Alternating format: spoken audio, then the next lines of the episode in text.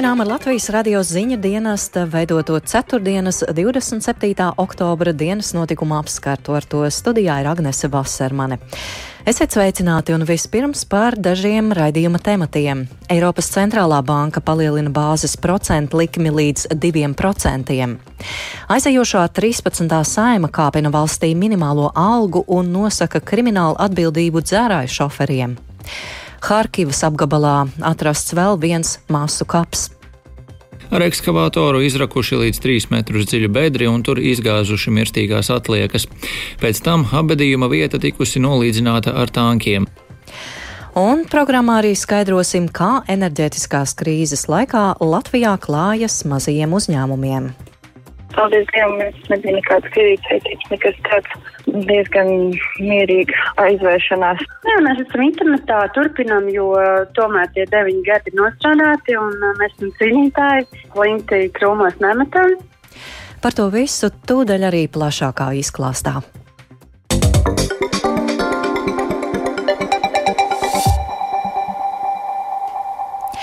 Eiropas centrālā banka turpina celt procentu likmes un vēlreiz tās palielinājusi. Bankas prezidenta Kristīna Lagārda par šādu soli brīdināja jau iepriekš, norādot, ka tas jādara, lai mazinātu inflāciju. Sagaidāms, ka procentu likmes kāps arī turpmāk, sadārdzinot iedzīvotāju hipotekāro kredītu maksājumus. Stāsta Arķoms Konohaus. Eiropas centrālā banka ir palielinājusi galvenās procentu likmes par vēl 75 procentpunktiem. Šāds lēmums bija sagaidāms, jo inflācija Eirozonā joprojām ir augsta un tādēļ banka vēlas to bremzēt. Eiropas centrālās bankas galvenais uzdevums ir nodrošināt cenu stabilitāti. Tomēr procentu likmju pieaugums atstāja ietekmi arī uz iedzīvotāju ikmēneša bankas maksājumiem, jo aizdevumi kļūst dārgāki. Tomēr ir skaidrs, ka lēto aizdevumu posms ir beidzies, un procentu likmes augs arī turpmāk. Latvijā augstākās tiesas senāta civillietu departaments ir atstājis negrozītu Rīgas apgabaltiesas pērnā gada marta spriedumu, ar kuru ir noraidīta bijušā Latvijas bankas prezidenta Ilmāra Rimšēviča prasība par darba algas piedziņu vairāk nekā 151 tūkstoša eiro apmērā. Senāts atzina par pamatotu apgabaltiesas secinājumu, ka prasītājs nepildīja Latvijas bankas prezidenta amata pienākumus nevis dīkstāvis dēļ, kurā būtu vai vainojama Latvijas banka, bet gan tādēļ, ka to liedza procesa virzītāja. Proti korupcijas novēršanas un apkarošanas biroja amatpersonas lēmums par drošības līdzekli, un Latvijas bankas padome šo lēmumu ar savu rīkojumu tikai izpildīja. Uz prasītāju, kurš bija īpašo amatu attiecībās, ir attiecināmas arī darba likuma normas. Noraidot bijušā Latvijas bankas prezidenta prasību par neizmaksātās darba algas piedziņu, apgabaltiesas spriedums ir stājies spēkā. Krīzes viena aiz otras mazos un vidējos uzņēmumus Latvijā spiež uz ceļiem. Kāds izlēma darbību beigt, kāds savilkt vēl ciešāk jostu, samazināt izdevumus un turpināt cīnīties. Mūsu korespondente Linda Zalāna uzrunāja trīs mazos uzņēmumus, kuri dalījās pieredzē, kā krīzē izdzīvot un kā tai pakļauties. Cēsīs par vienu ēdināšanas uzņēmumu mazāk, jo itāļu ēdienu kafejnīcas beko saimnieki augustā saņemot rēķinu par gāzi un elektrību apjauta, ka šādas izmaksas nevarēs nosekt un vēl pat nav sākusies apkuras sezona. Vadītāja Baiba Bārda stāsta, ka četrus gadus loloto ģimenes kafejnīcu nācās slēgt. Mēs jau paši beigās bijām mēs divatā un vēl daži palīgi. Mēs samazinām, mēs sēdējām arī darbiniekus un lai varētu, jā, izdzīvot. Paldies Dievam, mums nebija nekāds kredītsaitības, nekas tāds diezgan mierīga aizvēršanās. Vai pārlaižot šo krīzi plāno ēdināšanas jomā strādāt atkal? Pagaidām esam tā kā iepauzējuši, skatīsimies, kas notiks nākamgad. Cēsīs es nezinu, bet kaut ko līdzīgu, kaut ko ēdināšanas jomā droši vien jā. vairāk. Jā. Kopumā vērtējot ēdināšanas uzņēmumu spēju pārciest šo krīzi, Baiva Vārda ir pārliecināta, ka kafejnīcu aizvēršanās vilnis vēl ir priekšā.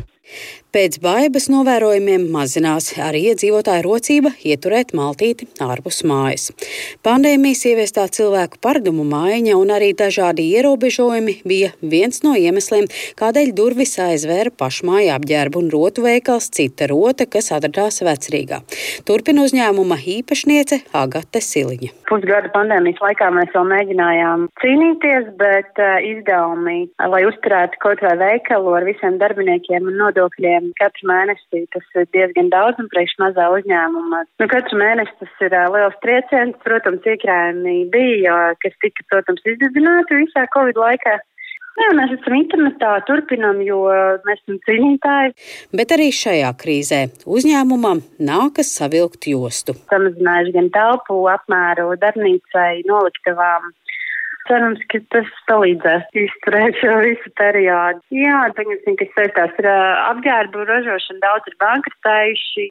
Šajā sezonā, kas ir rudens, ziema, pavasaris, ļoti daudzi, kas ir mājas ražotāji, īsti nedara neko. Arī sociālai uzņēmējai apģērbu zīmola Ova īpašniecei Natālijai Jermolājevai pandēmijas laikā nācās pieņemt lēmumu slēgt pašmāju dizaina veikalu, kas atradās tirzniecības centrā. Arī šī krīze neļauj nostāties uz kājām, nākas samazināt darbinieku skaitu un cīnīties par uzņēmuma dzīvot spēju. Nācās arī samazināt darbiniekus arī šūšanas darbnīcā, jo nebija tādas noiets. Štata samazināšana nenozīmē tāds uzreiz atvieglojums uzņēmumam, jo ir jāizmaksā kompensācija kompensācijas neizmantoto atvaļinājumu. Tā mēs iegājām šajā krīzē jau ar lielām, lielām problēmām un lielām saistībām. Slēdzot veikalu, mēs neuzelpojam atviegloti, bet mēs iegājām jau krīzē. Tā kā esam sociāls uzņēmums, nodarbinam cilvēkus ar invaliditāti, un mēs arī apzināmies, ka mūsu darbinieki būsim godīgi, jā, nevar tik viegli atrast citu darbu. Parādu sekšanai būs nepieciešami daži gadi, bet par spīti grūtībām, vismaz pagaidām, apģērbu zīmols Ova vēl pastāv. Linda Zalāne, Latvijas radio.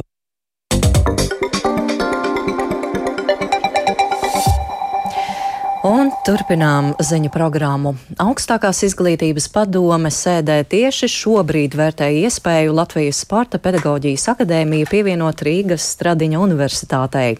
Augstākās izglītības padome šādu rīkojumu projektu ir saņēmusi no izglītības ministrijas. Un šobrīd studijā esam aicinājuši kolēģi Kristapu Feldmani, kurš seko līdzi šim procesam. Sveiks, Kristap! Jā, sveika, Agnes, un labvakar arī Latvijas radioklausītāji! Izstāsta lūdzu, kā kāda ir šī lēmuma būtība pievienot Sporta pedagoģijas akadēmiju Stradiņiem, Stradiņu universitātei? Jā, tu būtībā esi sapratusi, tātad augstākās izglītības padome ir saņēmusi šo izglītības zinātnes ministrijas rīkojumu projektu. E, tas augstākās izglītības reformas ietvaros paredzētu, kā jau minēja Latvijas Sporta pedagoģijas akadēmijas pievienošanu Stradiņu universitātei. Eh, ministrijas valsts sekretāra vietnieks un augstākās izglītības departamenta direktors Dmitrijs Stepanovs sarunā ar mani skaidroja, ka šī reorganizācija notiek līdz ar daudzām citām, kopumā piecām. Piemēram, jau ir lēmums, ka no 1. novembra Latvijas Jūras akadēmija tiks pievienot Rīgas Tehniskajai universitātei, un nu, pēc būtības šis ir ļoti līdzīgs lēmums. Eh, ministrija paredz, ka LSPA turpinās strādāt kā atsevišķa iestādes Stradiņa universitātes struktūrā, taču, lai varētu sākt šādu pievienošanu, ir nepieciešama šī augstākās izglītības padomas, tā teikt, zaļā gaisma, un to šobrīd arī lemj. Padomas priekšsādātājs Andris Teikmanis gan skaidroja, ja būs nepieciešama papildu informācija vai sagatavošanās, tad lēmums var šodien arī netikt pieņemts. Viņš skaidroja, ka padomas vēlme ir saprast, cik lielā mērā visas iesaistītās puses ir gatavas, vai tas ir labākais risinājums, lai no šī procesa pirmām kārtām iegūtu studējošie, augstskola, akadēmiskais personāls, darbinieki un arī valsts kopumā. Un ko par šo pievienošanu, apvienošanu saka pašas iesaistītās augstākās mācību iestādes? Jā, sazinājos arī ar abu mācību iestāžu pārstāvjiem. Rīgas Stradiņa universitātes rektors Aigars Petersons uzsvēra, ka šādā lēmumā ļoti svarīgs ir tieši šīs LSPA, tātad Sporta pedagoģijas akadēmijas viedoklis. Petersons gan pauda, ka, ja būs lēmums pievienot akadēmiju universitātei, tad Stradiņa universitāte ir gatava tam. Mēs, protams, respektējam Latvijas Sports pedagoģijas akadēmiju. Mēs esam pauduši gatavību šādam procesam. Bet lēmums ir akadēmijas pusē. Mēs gatavi sadarbībai. Tajā pašā laikā mēs neuzstājam uz šādu sadarbību. Tā var būt tikai no abām pusēm brīvprātīga sadarbība. Jā, dzirdējāt Rīgas Stradiņu universitātes rektora Aigara Petersona sacīto. Šo ieceru gan daudz kritiskāk uztver Latvijas Sporta pedagoģijas akadēmijā, un šīs akadēmijas pārstāve Ilze Āķa Vīksne neslēp, ka šīs ziņas radījušas neizpratni un satraukumu kā studējošajiem, tā arī darbinieku vidū. Šādu ieceri viņa sauc par neatbilstošu sākotnējiem plāniem, proti akadēmija bija plānojusi attīstīt sadarbību ar universitāti, taču noteikti nekļūt par tās daļu. Lūdzu, Āķis Vīksnes sacītais sporta akadēmijai tas ir ļoti negaidīts pavērsiens, jo mums tika dots laiks līdz 2026. gadam sadarbībā Rīgas Tradiņu universitāti strādāt pie sadarbības ceļa kartes, lai mūsu augstskola paliktu autonoma un iekļautos Tradiņu universitātes ekosistēmā. Šobrīd negaidīti šīs jautājums tiek bīdīts cauri varas gaiteņiem un ir ļoti daudz mums neatbildētu jautājumu. Jā, nu, dzirdējāt Latvijas Sporta pedagoģijas akadēmijas pārstāvi Ilzi Āķi Vīksni. Viņa uzsvēra, augstskola vēlas palikt autonoma un aicināja nepieļaut sasteigtu lēmumu, kā viņas prātas savulaik noticis Policijas akadēmijas un Rīgas pedagoģijas un izglītības vadības akadēmijas gadījumos. Vēl gan tad noslēgumā gribu atgādināt, ka šobrīd šī sēde turpinās un lēmums tad mums vēl nav zināms. Paldies Kristapam Feldmanim par stāstījumu. Tātad gaidām lēmumu. Un turpinām ar citām aktualitātēm. Minimālā alga Latvijā no nākamā gada būs 620 eiro līdzinējo 500 eiro vietā. Savukārt vēl pēc gada minimālo algu paaugstinās līdz 700. Tā galīgā lasījumā ir lēmusi Saima. Šodien līdzinējās Saimas deputāti sanāca uz pēdējo sēdi, kurā izlēma veikt vēl vairākus būtiskus likuma grozījumus, proti par transporta līdzekļu vadīšanu reibumā, kas lielāka par pusotru promili būs krimināla atbildība. Savukārt pieņemtās izmaiņas Eiropas parlamenta vēlēšanu likumā liek Statjanai Ždanukai tikt atkārtot ievēlētai Eiropas parlamentā kā Latvijas pārstāvēji, jo turpmāk vēlēšanās nevarēs pieteikt kandidātu, kas pēc 91. gada 13. janvāra ir darbojies Latvijas komunistiskajā partijā. Likuma izmaiņas ļaus arī atņemt mandātu notiesātiem Eiropas parlamenta deputātiem. Un turpinām par tiesu lietām. Satversmes tiesa nu pat šovakar pasludinājusi lēmumu lietā par normām, kas noteica pienākumu komersantiem, kas pārdod elektroenerģiju obligātā iepirkuma ietvaros, saražoto siltumenerģiju izmantot liederīgi. Un spriedumu pasludināšanai līdzi sekoja kolēģi Linda Spundeņa, kura ir līdzās studijā. Labvakar, Linda! Ko tad izlēma satversmes tiesa?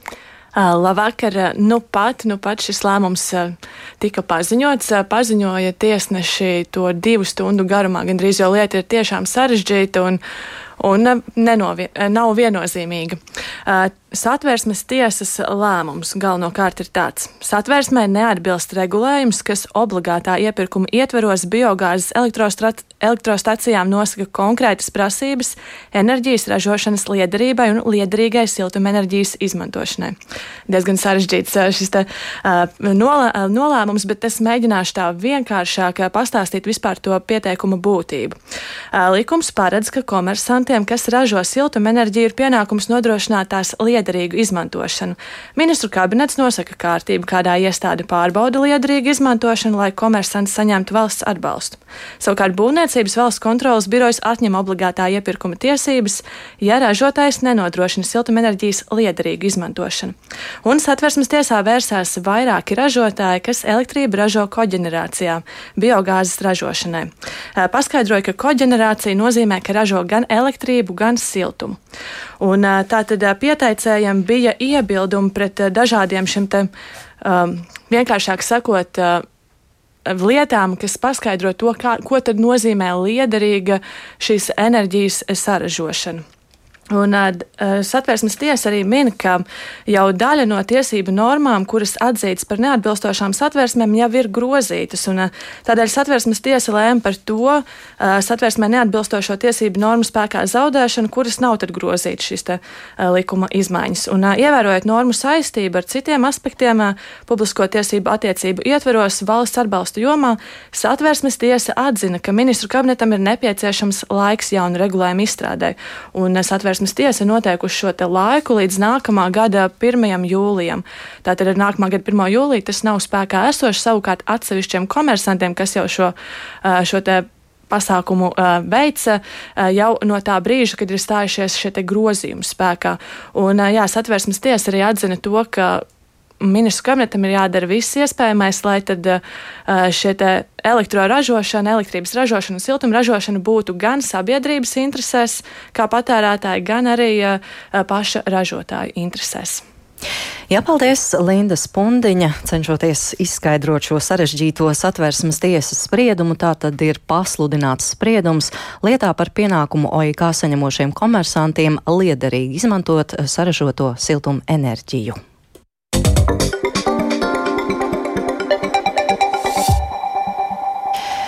par notiekošo citvietu pasaulē. Ukrainā Harkivas apgabalā ir atrasts vēl viens masu kaps, tā paziņojas Ukrainas Nacionālā policija. Pēc sākotnējām aplēsēm Harkivas apgabala Borivkas rajonā ir atrasti vismaz 17 civiliedzīvotāju un militāru personu līķi. Par masu kapu ir ziņojuši Kopanku ciemi iedzīvotāji, un kā tika vēstīts oktobra sākumā, deokupētajā Harkivas apgabala daļā ir atrasti vairāk nekā 500 nogalināto civiliedzīvotāju iedzīvotāju mirstīgās atliekas. Tostarp izjums māsu kapā ekshumēti 447 līķi. Kopumā no Krievijas okupantiem atbrīvotajās Ukrainas teritorijās ir ekshumēti apmēram tūkstoši bojā gājušo. Starp tiem ir civili iedzīvotāji un bērni, stāsta Rihards Plūme. Harkivas apgabala Kopanku ciema iedzīvotāji stāstīja, ka Krievu iebrucēji savākuši bojāgājušo līķus visā ciemā apkārtnē. 13. aprīlī viņi tos atveduši uz masu kapa vietu divās kravas automašīnās, ar ekskavātoru izrakuši līdz 3 metrus dziļu bedri un tur izgāzuši mirstīgās atliekas. Pēc tam apbedījuma vieta tikusi nolīdzināta ar tankiem. Masu kapā esošās militāra personas pēc civiliedzīvotāju teiktā gājušas bojā kauju laikā.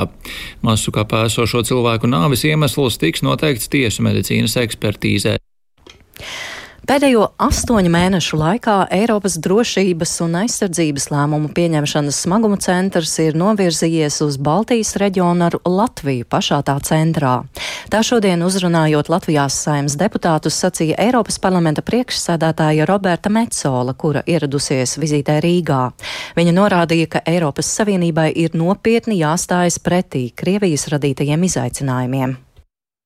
You know very well who we are dealing with. Latvia's long-standing warnings about Russia Jūs ļoti labi zināt, ar ko mums ir darīšana. Latvijas ilgstošie brīdinājumi par Krieviju bija pareizi. Šodien Latvija ir Eiropas Savienības līdere centienos stāties pretī Kremļa propagandai un hibrīd draudiem, un Latvijas pieredze un vadošā loma būs izšķiroša arī turpmāk, lai Eiropa spētu novērst nopietnus draudus mūsu demokrātiskajām vērtībām un Eiropas Savienības labklājībai un mieram. Mums kopā ir jāizveido reāla drošības un aizsardzības aizsardzības savienība, kas papildinātu NATO. Krievijas žurnāliste Ksenija Sobčaka ir steigā šķērsojusi Lietuvas robežu. Tiek ziņots, ka Sobčaka ir pametusi Krieviju, jo tur viņai draud arests kādā krimināllietā par naudas izspiešanu. Sobčaka līdz šim nav publiski izteikusies par savu atrašanās vietu, tomēr zināms, ka Lietuvas robežu viņa šķērsojusi ar Izrēlas pasi. Stāsta Arķoms Konahaus. Pazīstamā krievu žurnāliste un sabiedrības seja Ksenija Sobčaka ir pametusi Krieviju. Viņa ir ieradusies Lietuvā trešdien no Baltkrievijas. Tajā dienā bez Sobčakas klātbūtnes viņas mājās Maskavas apgabalā notika kratīšana. Lietuvas ārlietu ministrs Gabriēlis Landsbergis ir apstiprinājis, ka Sobčaka ir šķērsojusi valsts robežu, par spīti tam, ka Baltijas valstis vairs neielaiž savā teritorijā Krievijas pilsoņus ar turisma vīzām. Tas bija iespējams, jo Sobčaka ir uzrādījusi derīgu Izraēlas pasi, un viņa nav arī pakļauta Eiropas sankcijām. Landsbergis nevarēja atbildēt, vai Sobčika joprojām atrodas Lietuvā. Informācijas neturim. Neturim, mēs esam palaikom ryšius su, su institūcijomis tiek, kiek, kiek tai yra būtina. Mums nav šādas informācijas. Mēs uzturam kontaktus ar mūsu iestādēm pēc nepieciešamības un vadoties pēc apstākļiem. Es domāju, ka ir svarīgi pievērst uzmanību valsts drošības departamenta vadītāja izteikumiem par to, vai viņas ierašanās rada kādus potenciālos riskus mūsu nacionālajai drošībai. Departaments uzskata, ka šobrīd viņi nesaskata nekādus riskus. Ja kaut kas mainīsies, tiks veikts jauns izvērtējums. Jeigu tokie iškiltu, vērtījumi būtu darāmi iš naujo. Vairāki plašsaziņas līdzekļi ziņo, ka kratīšana Sobčakas mājās notika lietā par naudas izspiešanu. Šajā izmeklēšanā jau ir arestēts viņas komercdirektors Kirills Suhānovs. Lieta pret viņiem esot uzsākta pēc uzņēmuma Rosteh vadītāja Sergeja Čimēzova iesnieguma. Čemezovs tiek uzskatīts par bijušo Krievijas valsts drošības dienesta ģenerāli, kas pietuvināts prezidentam Vladimiram Putinam. Sobčika nav publiski komentējusi savu atrašanās vietu, bet ir izteikusies, ka Suhānova arests ir saistīts ar mēģinājumiem ietekmēt žurnālistu darbu. Tāpat tiek ziņots, ka Sobčika ir piemuļķojusi varas iestādes, nopērkot lidmašīnas biļeti uz Dubaju, bet pati tā vietā devās uz Lietuvu. Sobčakas tēvs bija cieši pazīstams ar Putinu. Viņas māte joprojām ir Krievijas parlamenta augšpalātas senatore. Tādēļ Krievijas opozīcija Sobčaku ir raudzījusies ar zināmām aizdomām. Viņa ir nosodījusi Krievijas uzsākto karu Ukrainā, tomēr pārsvarā ir atturējusies no asas Putina politikas kritizēšanas. Arcēns Konahos Latvijas Rādio Briselē.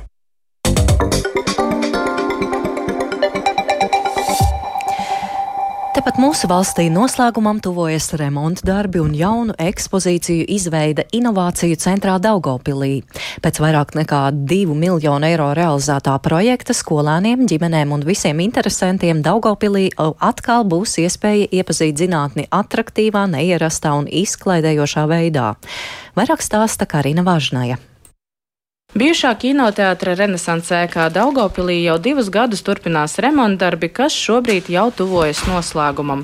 Drīz vien šeit apmeklētājus gaidīs inovāciju centrs, kur viegli uztveramā un interesantā veidā varēs iepazīt zinātni. Mēs zinām, ka Zeme griežas apkārt Saulē, vai Saule griežas apkārt Zemē. Pie mums to varēs ieraudzīt, kurš tad kuram griežas apkārt. Kā ar savu spēku varam radīt enerģiju. Daugopils Innovāciju centra izglītības metodiķe Viktorija Kazlauska stāsta, ka Daugopilī jau daudzus gadus darbojās zinātnes un zinātkāras centras bērniem, kuru labprāt apmeklēja arī pieaugušie. Tagad, pārtopot par inovāciju centru, tas paver plašākas iespējas. Divas zāles būs ar pilnīgi jauniem eksponātiem, kas arī ir piesātināti ar modernām tehnoloģijām. Kā mēs arī saviem apmeklētājiem, un tīpaši maziem apmeklētājiem, mācām, ka zinātnē ir visur. Arī savās nodarbībās mēs sākam, ka ķīmijas kabinets ir mammas virtuve un vannas istaba. Jebkuru skolas priekšmetu, jebkuru tēmu var pagriezt caur zinātnisko pusi. Jaunie eksponāti vairāk būs liekti uz cilvēka ķermeni, cilvēka anatomija, kā mēs no iekšienes izskatāmies. Bez interaktīviem eksponātiem, kas liek uz lietām paskatīties no cita neierasta skatu punkta, inovāciju centrā veido jaunas izglītības un mācību programmas skolotājiem, studentiem un skolēniem. Inovāciju centra darbinieki jau tagad dodas uz Latvijas skolām ar dažādām nodarbībām, stāsta izglītojošo nodarbību organizatore Ilona Nikolājeva. DNS nodarbība, anatomija mums ir viena no populārajām nodarbībām, roboti. Mums ir jauns foršs maziņš fotonu robots. Kurš ir programmējams? Pirmkārt, viņš ir programmējams, bērni mācās programmēšanu no paša bērnu dārza. Viņš rēģē uz apkārtējo vidi, uz pieskarieniem, atskaņo dažādas skaņas, maina krāsu, kas bērniem patīk. Centra remontdarbos un jaunu ekspozīciju izveidē ieguldīti vairāk kā 2 miljoni eiro. Inovāciju centrs Daugopilī durvis apmeklētājiem varētu vērt jau šogad. Karīna Važnē, Sergies Kuzņecovs, Latvijas radio studija Latgalē un Spēlmaņu nakts balvu par mūža ieguldījumu teātramākslā šogad saņems režisori Aina Matīsa un Edmunds Freibergs. 2021. 22. gada sezonas apbalvošanas ceremonija Dailas teātrī notiks pēc nepilna mēneša skatuves mākslas reformatora Eduarda Smiļģa 136. dzimšanas dienā 23. novembrī. Aina Matīsa ilgus gadus ir runas konsultante arī mums, Latvijas radio ētera cilvēkiem.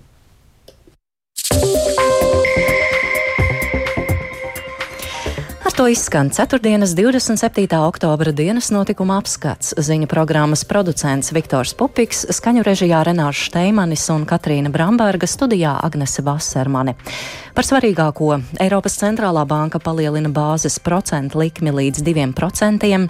Aizējošā 13. saima kāpina valstī minimālo algu, nosaka kriminālu atbildību dzērāju šoferiem. Harkivas apgabalā Ukrainā atrasts vēl viens masu kaps. Yeah.